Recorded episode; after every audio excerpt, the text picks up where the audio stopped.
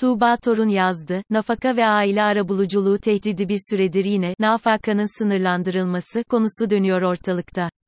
Duyuma göre, 6. Yargı paketi ile nafakanın sınırlandırılması ve aile arabuluculuğu gündeme getirilecekmiş. Ve hatta torba yasa ile şu meşhur istismar faili ile istismara maruz bırakılanın evlenmesi halinde faile af ve erteleme öngören yasayı da aradan geçirecekleri söyleniyor. Bunların üçü de uzunca süredir ısıtılan fakat tepkilerden dolayı bir türlü yürürlüğe sokamadıkları yasa önerileri ve kabul edilebilir en ufak bir yanı yok. Karşılık olarak bizler de uzunca süredir bu tasarlananların niçin akla, hakka ve hukuka uygun olmadığını açıklayıp duruyoruz. Her yerde yazıp anlatmaya çalışıyoruz. Örneğin, her üç önerinin de 2015'te TBMM'de boşanmaların azaltılması amacıyla kurulan, kısaca, Boşanma Komisyonu olarak adlandırdığımız komisyonun 2016'da yayınladığı benim, proje rapor, dediğim raporda yer alan projeler olduğunu, bu raporda yer alan projelerin tamamının kadınları eve kapatmaya, istihdamdan ve kamusal yaşamdan uzaklaştırmaya yönelik olduğunu, amacın mümkün olduğu kadar evlendirmeye çocuk yaşta olsa dahi evlendirmeye ve her türlü şiddete rağmen evli kalmaya, boşanmamaya teşvik olduğunu, zira 3 çocuk eksi 5 çocuk yaptırmak suretiyle niteliksiz iş ve oy potansiyeli yaratma suretiyle siyasi iktidarlarının bekasını sağlamak olduğunu her yerde sık sık dile getiriyoruz. Açıkça açıklıyoruz, siyasi iktidarlarının bekasına kadınların bedenlerini alet etmekteler ve edecekler. Buna izin vermeyeceğiz, diyoruz. İktidar ve yandaşları, bu yasaların getirilmesindeki amacın, mağduriyetleri gidermek, olduğunu söylüyor. Amacın mağduriyet gidermek falan olmadığı, hangi komisyonun raporunda yer aldığıyla sabit. Amaç belli. Her zaman yaptıkları gibi, algıyla, göz boyayarak, hedef şaşırtarak istediklerini adım adım elde etmeye çalışıyorlar. Raporda yer alan tüm projeler, 6284 aleyhine tespitlerden tutun da müftülük yasasına kadar kazanılmış haklarımız bakımından tartışma yaratan her şey, iyi niyetli olmaktan uzak, tamamen kadınları şekillendirmeye yönelik projelerdi. Eğer mağduriyet gidermek isteselerdi, sayısı mağdur dedikleri insanları her geçen gün katlayan kişilere yönelik önerilerimizi hayata geçirirlerdi.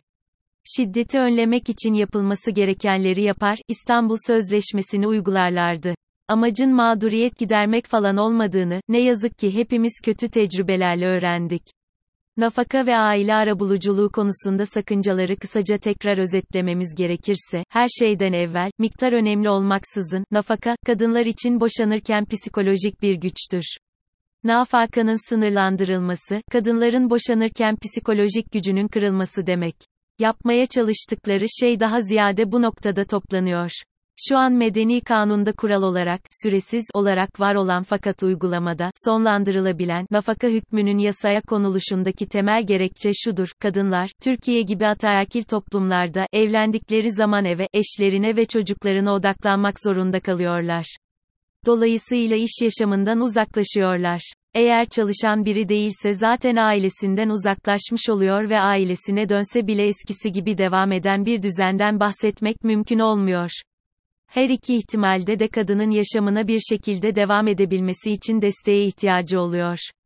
İstihdamda cinsiyet eşitliği sağlanmış değil. Yıllardır %30 kadın %70 erkek istihdam gibi bir oran var. Elbette burada bahsedilen yoksulluk nafakası, yani boşanılan eşe verilen nafaka, çocuklara verilen iştirak nafakası değil. Bu arada, nafaka yalnızca kadınlar için öngörülmüş bir hüküm değildir, erkekler de faydalanabilir.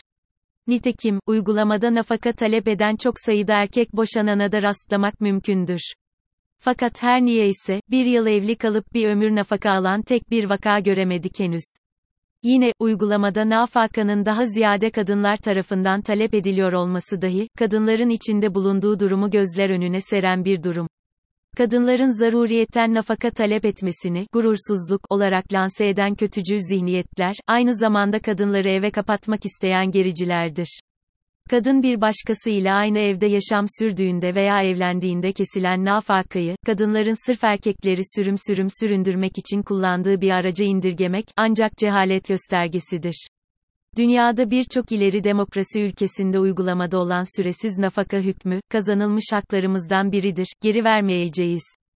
Nokta. Nafakayı sınırlandırmak isteyen zihniyet, yarın boşanma davası devam ederken hükmedilen, tedbir nafakasını da, 6284 sayılı yasaya göre talep edilebilen tedbir nafakasını da, İstanbul Sözleşmesi'nden çekilirken teselli ve paravan olarak kullandıkları, esasında zamanında, yuva yıkan yasa, diye paçavralarına manşetlettikleri ve hali hazırda iyice pasifize ettikleri 6284 sayılı yasayı da, kadınların miras hakkını da kaldırmak, sınırlandırmak isteyecek.